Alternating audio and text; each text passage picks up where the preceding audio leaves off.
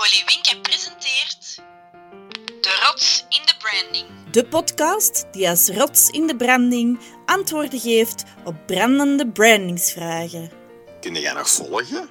Kun jij nog volgen? Luister dan verder. Hè.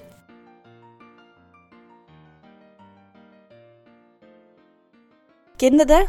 Dat je luistert naar een presentatie, een lezing of een webinar waar je heel de tijd het gevoel hebt dat er drie apen in je hoofd harmonica zitten spelen? Dat je je achteraf niet supergoed kunt herinneren wat er nu eigenlijk gezegd is geweest, simpelweg omdat die drie apen ervoor zorgden dat er niks bleef plakken. Hoe komt dat eigenlijk?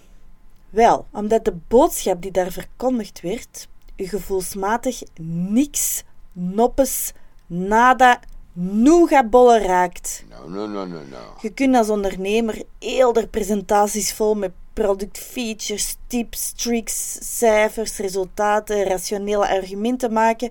Maar als je mensen echt wil meepakken, als je wilt blijven plakken in hun hoofd, want ja, dat wil toch iedereen, denk ik, dan is het nodig om die mensen op emotioneel niveau aan te spreken. En dat kan door het gebruik van storytelling. Hey, ik ben Joke en in deze podcast zoek ik antwoorden op brandende brandingsvragen, om zo jullie rots in de branding te zijn. Wat is de vraag van vandaag? Van vandaag. Hoe kan storytelling werken voor merken? Storytelling. Je hoort het overal. Het is een soort ja, buzzword. Je weet zelfs niet meer wanneer het er nog niet was. Het is er precies altijd al geweest. De term storytelling is hot, zeker in marketingmiddens, want er wordt nogal gegoocheld met deze term. En eigenlijk is dat grappig, want ik ben er niet van overtuigd dat al die goochelaars dat die exact weten wat storytelling bij merken betekent. En wat dat kan opleveren en waarom het zo belangrijk is en hoe ze dat concreet moeten gebruiken en inzetten.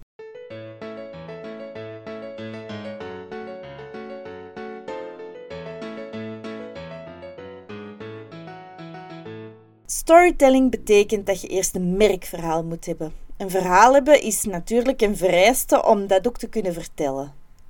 Wat is nu een merkverhaal? Ja, een merkverhaal is, zoals het woord zelf zegt, het verhaal van een merk.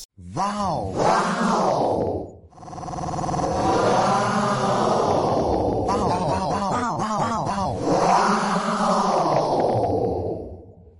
Een verhaal dat de kern beschrijft van waarom dat je doet wat dat je doet. Het is eigenlijk ja, de why van je bedrijf, de purpose van je bedrijf. Op zo'n manier in woorden gevat dat het emotioneel binnenkomt bij mensen. Een goed verhaal raakt de ervaringen van uw publiek. Ze kunnen zich eigenlijk herkennen, identificeren met uw verhaal. Een verhaal is een gemakkelijke, behapbare, logische manier voor uw brein om informatie te verwerken. Want als we verhalen horen, voelt het net alsof dat we die zelf hebben beleefd. Dat we die zelf hebben gezien, zelf hebben ervaren. En het triggert ook onze eigen relevante herinneringen rond dat verhaal. En we denken zelfs in verhalen, zelfs als het over heel banale dingen gaat, bijvoorbeeld een avondje op café. Verhalen zijn daarom een heel efficiënte manier om gedachten of ideeën bij mensen in te printen. En ons brein synchroniseert ook met dat van de verteller.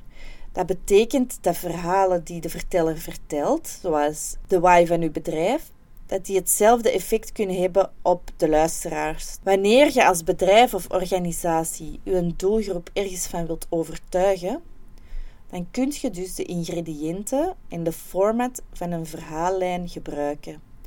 Of het nu gaat om de werking van een product uit te leggen, of een soort resultaat van uw product te illustreren, of uw dienst uiteraard. Een boodschap verpakt in een verhaal verkoopt gewoon beter. Want dan pas gaat uw boodschap mensen emotioneel raken en zullen ze die niet snel vergeten. Sterker nog, dan vertellen ze die ook graag door.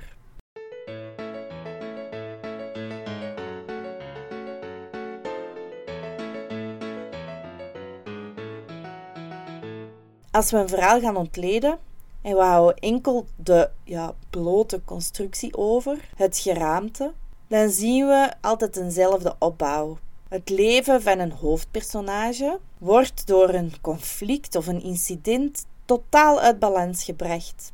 Die gebeurtenissen die blijven zich opstapelen en heel dat boeltje komt tot een climax. Het hoofdpersonage vindt uiteindelijk zelf een oplossing, waardoor er een nieuw evenwicht ontstaat. Het is eigenlijk een soort oorzaak-gevolgsituatie. Ik geef een voorbeeld van een heel gekend Disney-verhaal. Het verhaal van de kleine zeemermin. Je hebt dus Ariel, dat is de dochter van Triton. Triton, de koning van de zee. En die Ariel heeft eigenlijk een luxe leventje. Hè? Dat is haar evenwicht. Maar Ariel heeft een diep verlangen, want ze wil heel graag naar de mensenwereld. Haar verlangen wordt alleen maar groter als ze die prins Erik redt uit de zee. Dat is uh, haar conflict, een intern conflict. Ze ontmoet Ursula, de heks, hè, die uh, octopus, met uh, ontploft haar. Ursula geeft haar benen in ruil voor haar stem. Maar eigenlijk wil Ursula zowel Ariel als Triton in de val lokken en zo ja, overheerser van de zee worden. Uiteindelijk, er gebeurt van alles, maar kan Ariel Erik, de prins, overtuigen dat zij de zangeres was die hem gered had op het strand, verslagen ze Ursula en houdt ze uiteindelijk haar mensenbenen, waardoor er dus een nieuw evenwicht ontstaat. Als je nu denkt, oh, die Joke, waar heeft hij het in godsnaam over? En dan zou ik u aanraden om de film eens te zien. En laat u vooral meeslepen met die prachtige muziek, geschreven door onder andere Ellen Menke.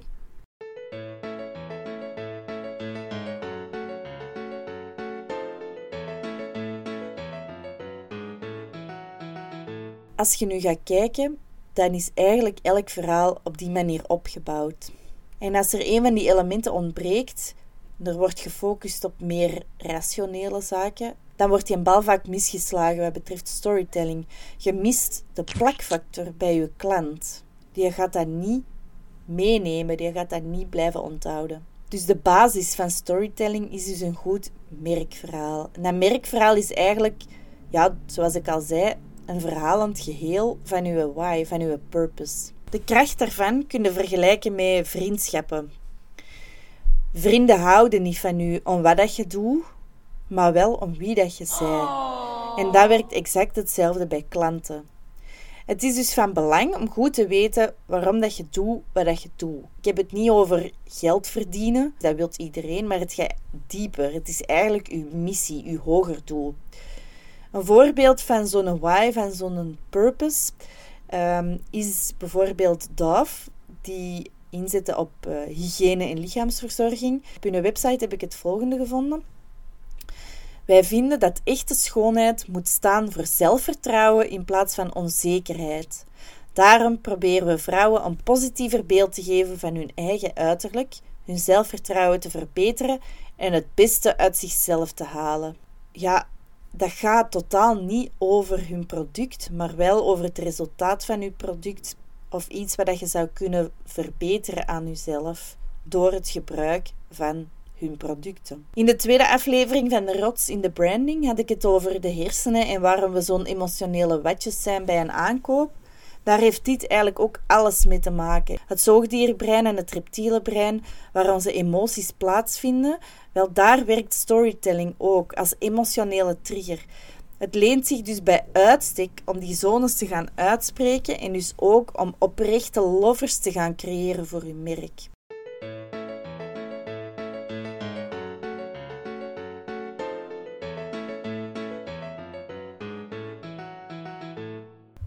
En zeker in een digitale wereld waarin dat we vandaag leven. Hè? Want alles komt op een fragmentarische manier tot bij mensen terecht. Alles komt in stukken terecht. En in zo'n wereld is het dus nodig om een heel sterk merkverhaal te bouwen en hierin consistent te zijn.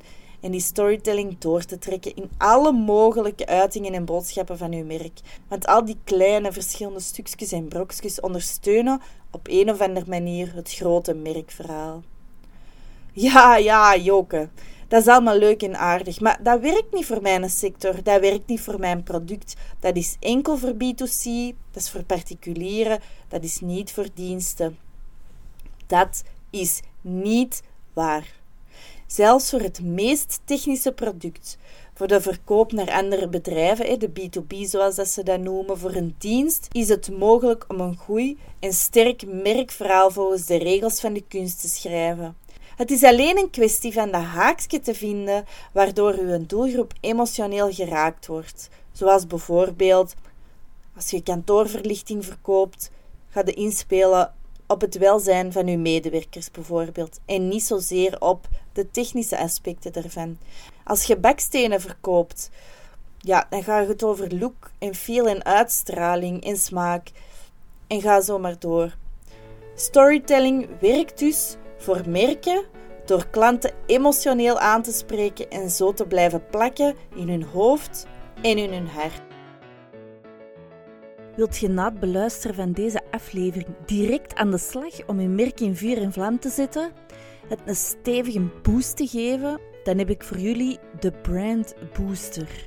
Dat is een soort van analyserapport dat ik maak specifiek voor uw merk, gericht op uw merk, waarin dat ik ga kijken wat er al heel goed is in uw branding en marketing en waarin dat je nog zou kunnen groeien, uh, wat tweaken of verbeteren of nieuwe dingen toevoegen.